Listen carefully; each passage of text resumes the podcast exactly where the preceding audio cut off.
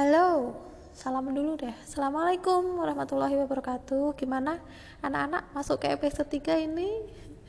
Semoga kalian masih semangat ya, karena Bu Dewi masih semangat nih. Bu Dewi aja masih semangat, kalian harus lebih lebih lebih semangat. Baik anak-anakku, tadi kan kita bahas tentang VOC ya, Belanda dan akhirnya pada tahun uh, 1811 Batavia itu jatuh ke tangan Inggris. Nah, sekarang kita bahas nih bagaimanakah peristiwa-peristiwa pada masa penjajahan uh, kolonial Inggris. Apakah sama kejamnya dengan pemerintah Belanda, dengan penjajahan dari Belanda atau uh, lebih kejam Belanda? Yang jelas sama-sama menderita ya rakyat Indonesia ya. Mari kita bahas. Simak penjelasan berikut ini. Kita mulai dengan membuka LKS halaman 29. E. Peristiwa-peristiwa pada masa pemerintah kolonial Inggris. Anak-anakku, semoga penjelasannya Bu Dewi tidak kecepatan ya. Sejak tahun 1806, Inggris berusaha melemahkan kekuasaan Belanda di, di Nusantara. Usaha itu memuncak pada tahun 1810 dan serangan yang menentukan terjadinya menentukan terjadi pada tahun 1811. Nah, sejak itu Indonesia resmi dikuasai EIC East India Company, organisasi dagang Inggris di India Timur. Nah, pada tanggal 18 September 1811 adalah tanggal dimulainya kekuasaan Inggris di Hindia. Gubernur Jenderal Lord Minto meminta secara resmi mengangkat Raffles sebagai penguasanya. Pusat pemerintahan Inggris berkedudukan di Batavia, yang sekarang disebutnya Jakarta, ya Batavia dulu namanya, sekarang Jakarta. Nah, Raffles sebagai pemegang kekuasaan pada saat itu memiliki tiga prinsip. Yang pertama, segala segala bentuk kerja rodi dan penyerahan wajib dihapus. Nah, tadi kan di Belanda Dandeles ya William Dandeles dengan kejamnya membuat keputusan kerja rodi. Nah, pada masa kekuasaan Raffles itu dihapus itu kerja rodi ya. Diganti dengan penanaman bebas oleh rakyat. Nah, sekarang rakyat itu bebas menanam ya. Yang kedua, Peranan para bupati sebagai pemungut pajak dihapus dan para bupati dimasukkan sebagai bagian pemerintah kolonial. Jadi bupati-bupati itu zaman dulu itu memungut pajak. Nah, pada masa Raffles ini dihapus itu pungutan pajak dari bupati-bupati dan bupati-bupatinya itu dimasukkan sebagai bagian dari pemerintah kolonial, bawahan dari Inggris itu. Yang ketiga, atas dasar pandangan bahwa tanah itu milik pemerintah, maka rakyat penggarap uh, ketiga di, dianggap sebagai penggarap gitu intinya. Dianggap nyewa. Jadi pada saat itu karena Inggris menguasai Nusantara, menguasai Jawa, jadi uh, seluruh tanah di Nusantara itu dianggap sebagai tanahnya Inggris. Jadi rakyat kalau mau menggarap tanah yaitu dianggap nyewa tanah. Padahal itu tanahnya rakyat Indonesia ya tanahnya Indonesia. Tapi diaku oleh Inggris pada saat itu. Itulah tiga kebijakan dari Raffles. Yang pertama ya tadi menghapus menghapus apa kerja rodi kerja paksa lalu menganggap gubernur-gubernur itu sebagai bagian dari pemerintah kolonial bupati, maaf bupati sebagai bagian dari pemerintah kolonial. Yang ketiga, bahwa tanahnya itu adalah tanah milik mereka, milik, milik kolonial Inggris ya. Jadi rakyat yang menggarap tanah ya harus dianggap sebagai nyewa, artinya harus membayar sewa. Nah, Raffles ini memiliki berbagai kebijakan itu dari bidang ilmu pengetahuan, di bidang ekonomi, di bidang pemerintahan, itu ada beberapa kebijakan Raffles yang sangat terkenal ya tenar. Bahkan sampai sekarang itu masih di, uh, diingat ya. Apa saja? Yang pertama di bidang ilmu pengetahuan Raffles mengundang ahli pengetahuan dari luar negeri untuk mengadakan berbagai penelitian ilmiah di Indonesia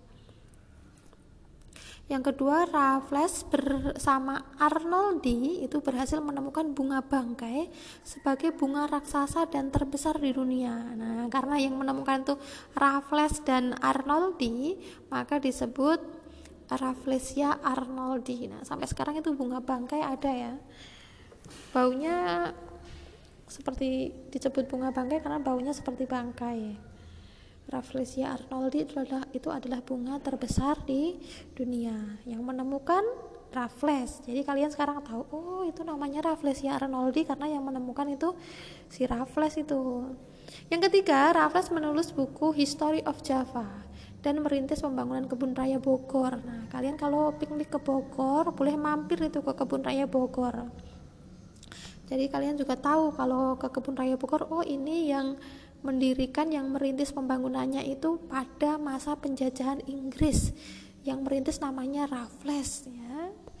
Yang keempat, Raffles memberi bantuan kepada John residen di Yogyakarta untuk mengadakan penelitian dan menghasilkan buku namanya History of the East India Archipelago diterbitkan dalam tiga jilid ya pada tahun 1820 luar biasa ya kebijakan di bidang ilmu pengetahuan ini uh, termasuk uh, baik juga ya kebijakan yang ini. Yang kedua, kebijakan di bidang ekonomi. Tadi ada kebijakan positif di bidang ilmu pengetahuan, lalu ada juga kebijakan di bidang ekonomi. Apakah menguntungkan rakyat Indonesia? Ya, kita simak. Kebijakan di bidang ekonomi yang pertama menghapus uh, sistem kordigenten atau penyerahan diganti dengan sistem sewa tanah lat rente namanya. Sistem sewatannya itu tanah lat rente seperti tadi disebutkan bahwa kolonial Inggris ini menganggap semua tanah itu adalah tanah mereka. Tanah jajahan itu sebagai tanah mereka. Jadi rakyat yang menanam atau rakyat yang menggarap tanah harus membayar sewa. Nah itu namanya lot rente. Semua tanah dianggap milik negara maka petani harus membayar pajak sebagai uang sewa tetapi upaya Raffles menerapkan sistem pajak tanah mengalami kegagalan karena faktor-faktor sebagai berikut. Yang pertama, sulit menentukan besar kecilnya pajak bagi pemilik tanah karena tidak semua rakyat mempunyai tanah yang sama. Jadi, karena tanahnya ada yang luas, ada yang sempit, jadi sulit menentukan besar kecilnya pajak. Yang kedua, sulit menemukan luas sempitnya dan tingkat kesuburan tanah petani. Kan harusnya tanah yang subur itu pajaknya harus lebih besar. Yang kurang subur harusnya lebih sedikit karena hasil panennya tentu saja sedikit. Nah, itu sulit ditentukan. Yang ketiga, keterbatasan pegawai-pegawai Raffles jumlah rakyatnya banyak tapi pegawainya Raffles itu sangat terbatas jadi kewalahan. Yang keempat masyarakat desa belum mengetahui sistem uang. Jadi sebelum ada sistem uang itu mereka pakai sistem namanya barter ijol-ijolan ya. Misalnya yang satu membawa panen berupa kambing membawa kambing ke pasar yang satu membawa beras ke pasar lalu tukeran itu namanya barter sesuai kebutuhan Lalu itu adalah empat faktor yang menyebabkan sistem pajak tanah itu mengalami kegagalan. Berikutnya, kebijakan yang ketiga di bidang pemerintah, pengadilan, dan sosial. Nah, dalam bidang ini Raffles menerapkan kebijakan sebagai berikut. Pulau Jawa dibagi dalam 16 karisidenan termasuk Jogja dan Surakarta. Setiap karisidenan mempunyai badan pengadilan lalu melarang perdagangan budak nah, itu nah terus pada akhirnya kekuasaan Raffles ini berakhir. Nah ditandai dengan adanya konferensi of London pada tahun 1814 nanti dimulai dari 1811 ya cukup singkat. Dan berakhir pada 1814 perjanjian yang ditandatangani di London oleh wakil-wakil Belanda dan Inggris isinya Nusantara tadi yang direbut dari Belanda akan dikembalikan kepada Belanda. Ya, jajahan Belanda seperti Thailand, Kap Koloni, Guyana tetap di tangan Inggris. Dan Cochin di Pulau Malabar diambil alih oleh Inggris sedangkan Bangka diserahkan oleh Belanda seba sebagai gantinya. Nah, itu jadi pemerintahan Raffles itu berakhir 1814 dengan kebijakan-kebijakan baik di ilmu pengetahuan, di bidang ekonomi, uh, bidang pemerintahan, pengadilan, dan sosial yang seperti dijelaskan oleh Bu Dewi tadi. Nah, berakhirnya kekuasaan Raffles ini uh, otomatis memasuki masa pemerintahan uh, penjajahan pemerintahan kolonial Belanda periode kedua ya karena Belanda dari perjanjian adanya konferensi of London tadi mengambil alih lagi kekuasaan dari Inggris di, diambil lagi dialihkan ke tangan Belanda. Nah, kembali lagi ke penjajahan Belanda yang periode kedua ya. Ini di bawah pimpinan John van den Bos. Belanda memperkenalkan sistem tanam paksa atau kultur stelsel. Stelsel. Tadi ada kerja paksa di masanya Dandeles, lalu di masanya Johannes van den Bos itu dia membuat namanya sistem tanam paksa. Tadi kerja rodi sekarang kultur stelsel itu diadakan di Sumatera Barat. Uh, sistem tanam paksa dimulai pada tahun 1847 nah saat itu penduduk yang telah lama menanam kopi secara bebas dipaksa menanam kopi untuk diserahkan kepada pemerintah kolonial Belanda ya. Kembali lagi kejam sekali mereka. Nah Van den Bos membuat undang-undang untuk tanam paksa. Itu ada banyak sekali undang-undang ada tujuh aturan dibacakan Bu Dewi ya di halaman 31 nanti kalian sambil bisa menggarisbawahi aturan-aturan pada tanam paksa itu apa saja yang pertama, setiap penduduk wajib menyerahkan seperlima dari lahan garapan untuk ditanami tanaman wajib yang berkualitas ekspor. Jadi mereka punya tanah, lalu seperlimanya itu harus di garap untuk tanaman wajib yang berkualitas ekspor yang nanti di, diambil oleh Belanda ya. Lalu tanah yang disediakan untuk tan uh, tanah yang disediakan untuk tanah wajib dibebaskan dari pembayaran pajak tanah di seperlimanya tadi. Jadi dari seluruh tanah seperlimanya tadi kan ditanami untuk tanaman yang uh, berkualitas ekspor yang akan dikirim ke luar negeri ya untuk diambil oleh pemerintah Belanda agar mereka dapat untung. Nah, yang seperlima tadi yang ditanami tanaman berkualitas ekspor tadi bebas dari pembayaran pajak tanah. Nah, sisanya itu bayar pajak. Lalu hasil panen tanaman wajib harus diserahkan kepada pemerintah kolonial. Setiap kelebihan hasil panen dari jumlah pajak yang harus dibayarkan kembali kepada rakyat. Tenaga dan waktu yang diperlukan untuk menggarap tanaman wajib tidak boleh melebihi tenaga dan waktu yang diperlukan untuk menanam padi atau kurang lebih tiga bulan. Mereka yang tidak memiliki tanah wajib bekerja selama 66 hari atau seperlima tahun dari perkebunan di perkebunan pemerintah. Jadi yang nggak punya tanah itu bekerja selama 66 hari, tentunya tidak digaji. Yang keenam, jika terjadi kerusakan atau kegagalan panen menjadi tanggung jawab pemerintah. Jika itu bukan dari kesalahan petani. Pelaksanaan tanam paksa diserahkan sepenuhnya kepada kepala desa. Jadi yang mengawasi pelaksanaan tanam paksa itu adalah kepala desa. Namun, itu aturannya seperti itu, namun pelaksanaannya terjadi penyimpangan. Apa saja penyimpangan? Jatah tanah untuk tanam paksa itu yang harusnya seperlima ternyata pada kenyataannya itu melebihi seperlima. Apalagi jika tanahnya subur. Nah, ini, ini ini tanahnya subur nih. Tanami lebih dari seperlima agar mereka dapat untung lebih besar ya. Rakus tadi. Yang kedua, rakyat lebih banyak mencurahkan perhatian, tenaga dan waktunya untuk tanaman ekspor sehingga banyak yang tidak sempat mengerjakan sawah dan ladang sendiri.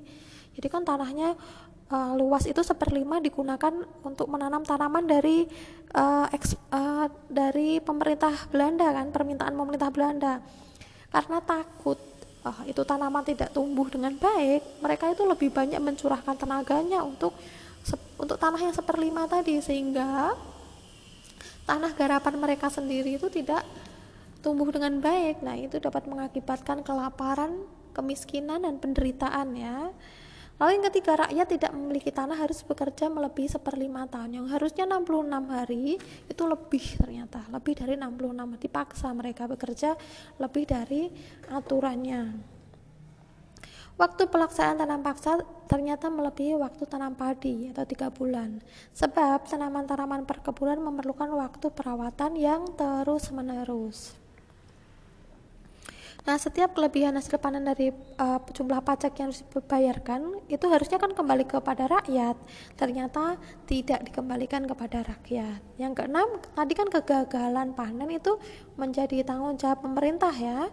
Asalkan tidak kesalahan petani, tapi kenyataannya panen tanaman wajib menjadi tanggung jawab rakyat atau petani. Nah, jadi tadi kerja paksa atau kerja rodi terus sekarang di periode kedua ada tanam paksa atau kultur stetsel itu mengakibatkan rakyat semakin semakin semakin menderita nah salah satu tokoh Belanda rakyat Belanda di negara Belanda sana itu ada juga yang protes kontra tidak setuju melihat penderitaan rakyat Indonesia salah satu tokoh Belanda yang menentang sistem tanam paksa itu namanya Douwes Dekker itu ada fotonya di bawah